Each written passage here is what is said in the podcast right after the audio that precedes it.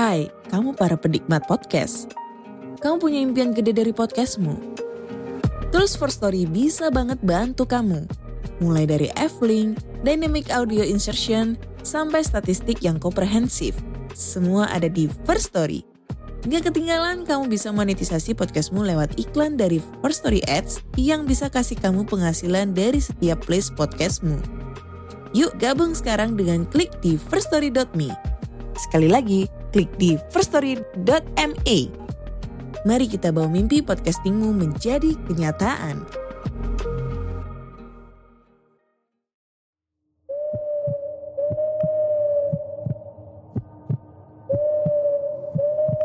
Pogo FM, listen on the go.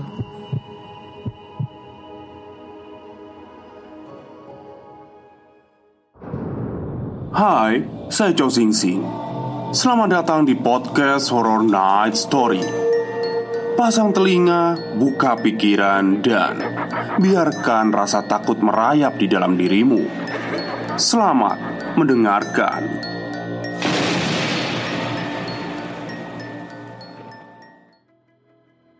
Assalamualaikum warahmatullahi wabarakatuh. Halo semuanya Jumpa lagi dengan saya Chow Sing Sing Kurator dari podcast Horror Night Story.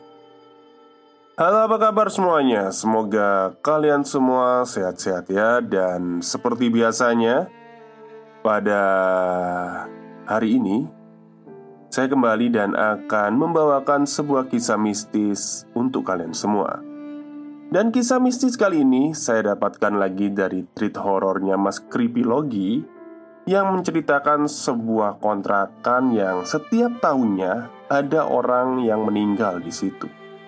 Penghuninya maksudnya ya.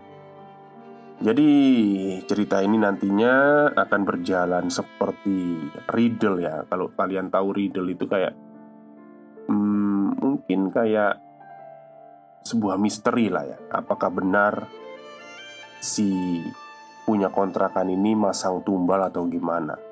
Oke, daripada kita berlama-lama, mari kita simak ceritanya.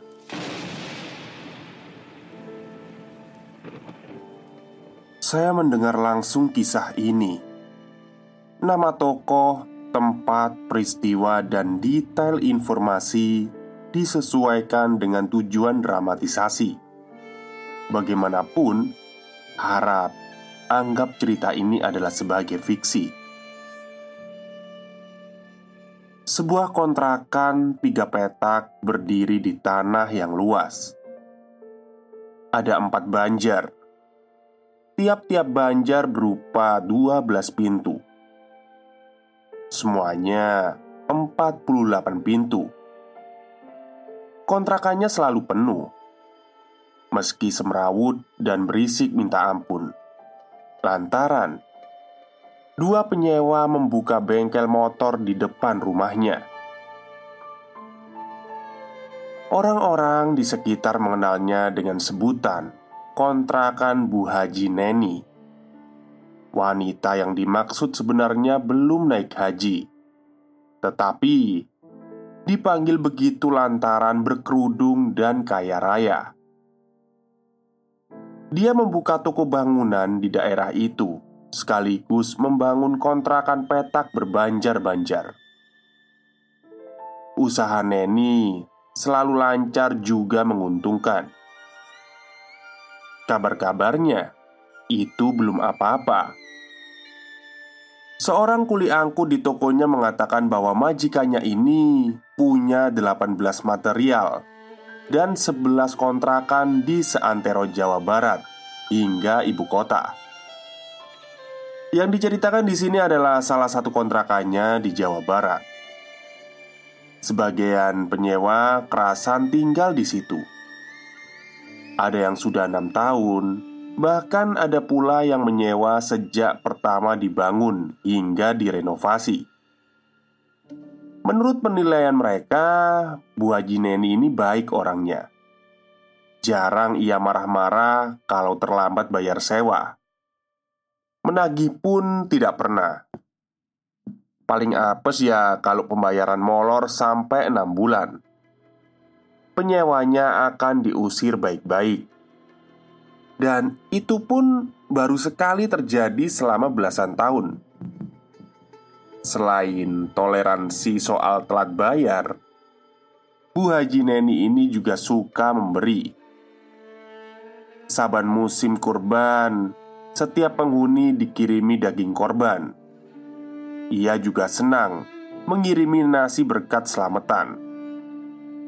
Ya, kalau dihitung-hitung, dalam setahun ia bisa mengirim makanan sampai lima kali. Dengan semua kebaikan itu, maka tidak ada celah yang dapat terlihat, kecuali setelah seorang wanita pendatang membeli sebuah rumah di seberang kontrakan itu. Wanita pendatang itu luwes dalam pergaulan. Namanya Nikma. Dia bekerja sebagai guru. Suaminya pun guru musik. Kalau pulang mengajar, Nikma membuka les bahasa Inggris untuk anak-anak. Ikut les itu gratis. Singkat saja, banyak anak-anak SD sampai SMP datang ke rumahnya untuk belajar. Dengan sendirinya, Nikma disenangi oleh warga sana tanpa kecuali para penghuni kontrakan Bu Haji Neni. Satu waktu Nikma mendengar lelayu yang rupanya dari kontrakan Neni. Dia pun datang takziah, dan yang ternyata meninggal adalah pemilik salah satu bengkel rumahan. Kepala keluarga bernama Tagor, anaknya dua, dan mereka semua rajin ikut les bahasa Inggris. Istri Tagor jelas amat bersedih Katanya suaminya masih sehat-sehat saja kemarin sore. Ia percaya bahwa itu disebabkan oleh angin duduk. Kematian Tagor memunculkan firasat buruk dalam benak Nikma. Hal itu ia sampaikan pada suaminya di rumah. Aku melihat banyak kematian di rumah kontrakan itu. Ucapnya prihatin. Yandi Suami Nikma tak berkomentar apa pun. Tetapi hatinya cenderung membenarkan perkataan sang istri. Lelaki itu telah mengenal Nikma selama 30 tahun. Dan bukan sekali ia berfirasat sekaligus firasatnya benar. Nikma ini memang wanita yang unik dapat melihat yang tersembunyi bagi pandangan manusia biasa.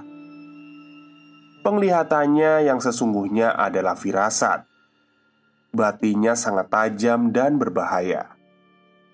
Maka, Yandi sungguh tak berkomentar. Namun demikian, Nikma mengajaknya bicara. Ujarnya, "Tiap tahun ada satu kematian di balik pintu-pintu itu." Mendadak aja matinya. Tapi sukar diterangkan penyebabnya. Ataukah penyebabnya angin duduk atau serangan jantung mungkin? Jawab Yandi pura-pura ragu. Tadi sore aku datang ke materialnya membeli kertas amplas. Aku merasa sangat buruk setelah melihat wanita itu. Yandi mengkritik. Kenapa bukan beli matabor? Aku butuh itu. Kertas pasir kita kan punya banyak. Eh, aku serius. Gimana ya caranya memberitahu mereka? Yandi mengerti kalau istrinya harus segera dijinakkan Supaya tidak kelewatan. Maka ia pelankan suaranya Dik, nggak semua hal dalam batinmu itu harus dibicarakan pada orang lain. Bisa jadi itu malah menyusahkanmu loh. Ingat, kita ini baru saja pindah ke sini. Bahkan, rumah ini kita beli, bukan ngontrak yang bisa pindah kapan pun kita mau. Lagi pula, kita belum mengukur seperti apa lingkungan kita ini. Ah, iya ya mas, ngerti aku. Aku juga nggak mau buru-buru. Sebaiknya kamu pura-pura nggak tahu aja. Pura-pura nggak punya firasat apa pun, dek. Kita ini berdua hampir pensiun. Ini kan yang kamu mau Rumah di sebelah Jakarta Ada kebun dengan tanaman-tanaman dan unggas Iya, angsa-angsanya galak Nikma memotong. Iya. Dan kita juga masih bisa ngajar toh Di rumah sesudah pensiun. Ayolah Mari kita fokus pada keinginan itu saja. Untuk malam itu nikmat dapat dikendalikan. Lain waktu belum tentu, dan itu menjadi kenyataan. Tanpa sepengetahuan suami, mulut Nikma ujuk-ujuk sudah sampai di telinga salah satu warga kontrakan Neni. Pendengarnya yaitu Bu Haji Mayang. Yang ini betulan udah pergi naik haji, walau masih ngontrak. Nikma bercerita saat membeli empek-empek di akhir pekan. Dia bertemu tetangganya di situ. Bagai tersambar petir, Mayang ketika mendengarkan cerita Nikma. Sebab semua yang ia ucapkan tidak ada yang meleset. Gimana Bu Nikma bisa tahu kalau ada 18 warga di situ yang meninggal? Cecar Mayang. Ibu tahu juga Kata Nikma balik bertanya Iya Saya ingat semua bu Tapi ya Wallahi Saya nggak pernah ngeh kalau itu terjadi persis setiap tahun Dari mana ibu tahu? Ah Saya juga cuma dapat informasi kok bu Tepisnya berbohong Memang Bu Mayang udah lama di situ saya ini penghuni pertama, Bu, yang paling lama. Dari saya belum naik haji sampai udah tiga kali naik haji. Duh, Bu Mayang ini udah tiga kali naik haji. Takjub nikmat. Mayang tersenyum, lalu ia berbisik, "Hehe, suami saya langganan PPIH, nebeng." Oh, orang kemenak. Mikma pun maklum. Omong-omong, berarti itu benar ya yang tadi itu. Ya, wallahi bu Saya sih nggak ingat nama-nama penghuni yang udah meninggal Tapi Saya ingat kok Selalu ada yang meninggal setiap tahun Meninggalnya mendadak dan di kontrakan itu Kata Nikma Iya, semuanya persis yang Bu Nikma bilang tadi. Ih, kok saya jadi merinding ya, Bu?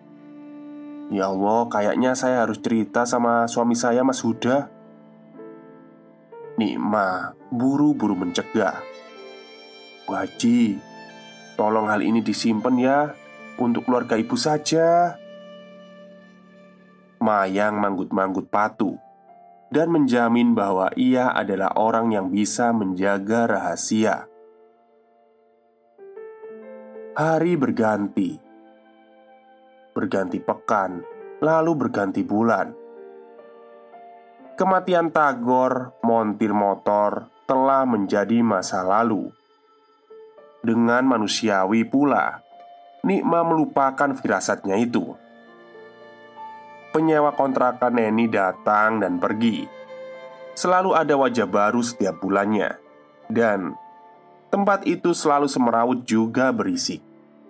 Sebelas bulan dari meninggalnya Tagor, datang bertamu seorang pria yang punggungnya sudah bungkuk dan kakinya pengkor sebelah.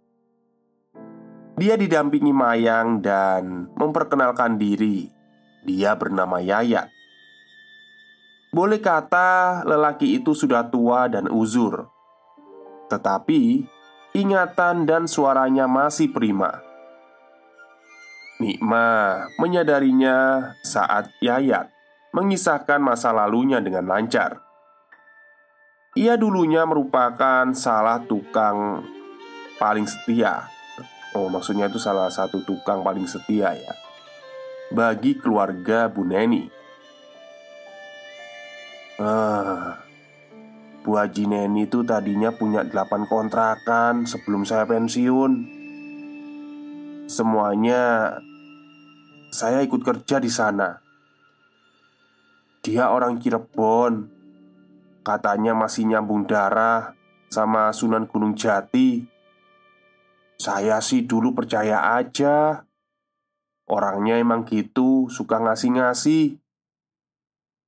Kalau Bu Haji megang usaha ibarat kata itu kun fayakun Pasti berhasil Hebat kan? Yaya tertawa lebar Memamerkan giginya yang sudah jarang itu. Sedangkan Nikma dan Mayang hanya menunggu ceritanya yang lain. Subhanallah Orang itu juga baik banget sama saya. Saya nggak pernah mikirin biaya sekolah anak. Pokoknya urusan dia Beras, minyak, apa aja Walau saya lagi nggak ada proyek Gaji tetap dikasih loh. Jadi begini bu. Kebetulan Bu Haji Mayang ini Udah lama kenal saya. Tempo hari Beliau ada urusan dekat rumah saya di Parung. Terus beliau mampir. Ya langsung aja ya bu. Saya terus terang kaget dengar cerita dari Bu Neni ini Nikmah hendak menyela lelaki ini Tetapi keburu dicegat. Kata Yayat Ini Bu Nikmah jangan salah sangka lo ya. Bu Haji Mayang ini belum cerita ke siapa pun kok. Cuma cerita ke saya aja. Dia juga cerita karena mungkin saya tahu masalah itu Bagi Nikmah Keadaan itu jadi tampak rumit. Tidak ada yang tahu apa maksud Yayat mendatangi malam itu. Namun Nikmah merasa tidak nyaman. Kalau sudah begini, dia baru ingat ucapan suaminya. Agar fokus saja pada kehidupan keluarga sendiri, tidak ikut campur urusan orang lain. Nikma ingin jalan pintas segera, sehingga dia menyela lagi. Yang bapak tahu gimana? Justru saya yang perlu bertanya Ibu itu dapat informasi dari mana? Nikma berubah pikiran seketika. Ternyata lelaki itu tidak mengkhawatirkan seperti dugaannya. Jadi, itu benar, Pak? Tanya Nikma. Jangan-jangan Bu Nikma ini emang ngerti ya? Uh, kalau ibu ngerti juga nggak apa-apa kok Gini loh pak Maksud bapak ke sini tuh apa? Jawab Nikma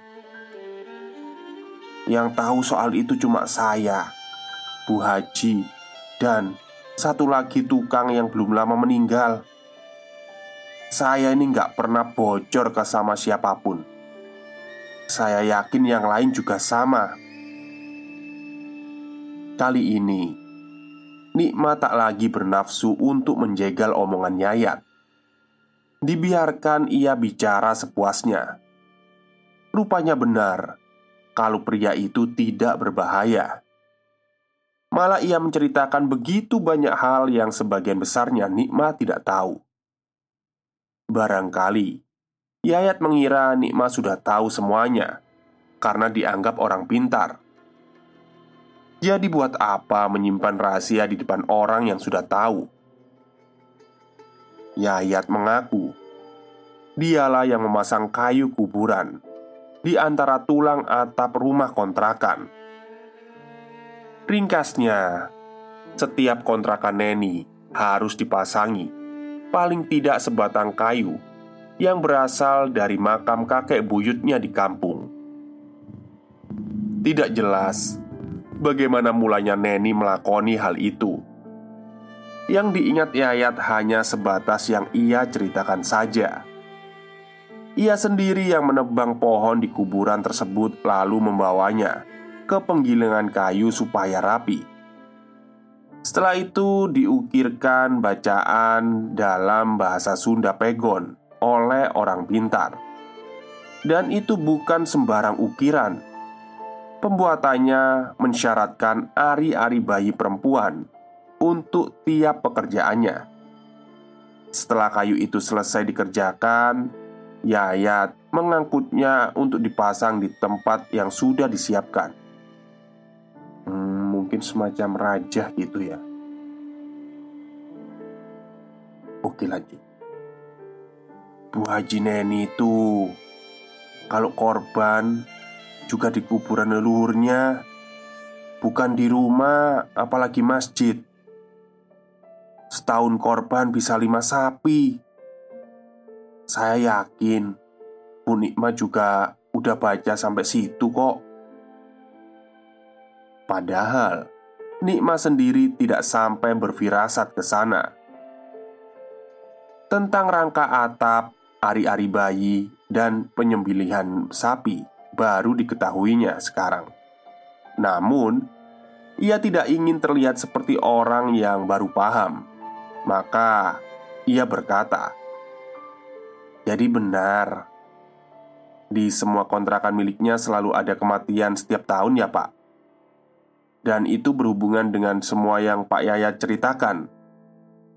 Iya, itu benar kok bu.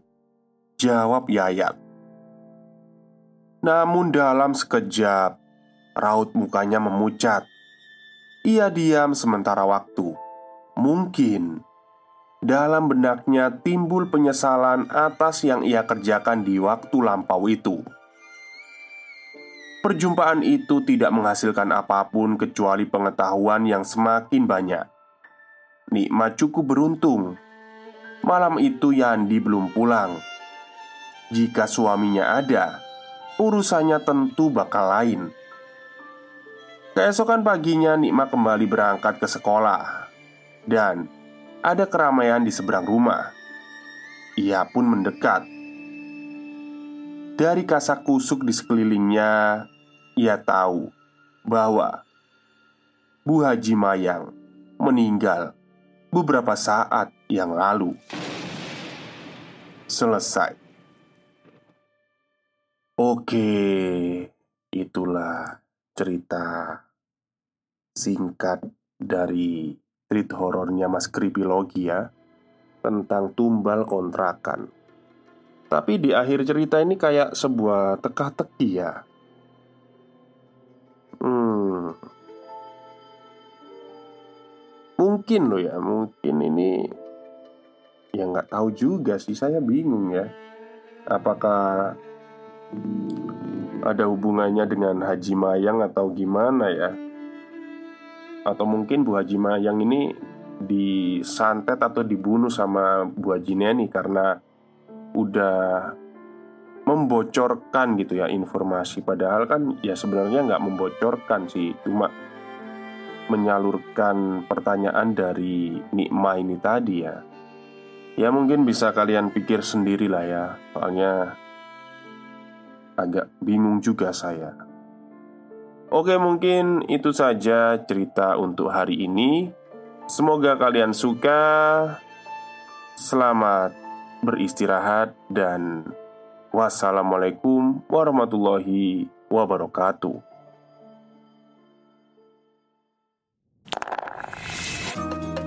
Lho lho Piye kabare? Penak zamanku toh? Zaman di mana bersama aku, Hakim Kita berbincang banyak hal di podcast Pria Random Nantikan episode terbaru setiap hari Sabtu Eksklusif di Pogo FM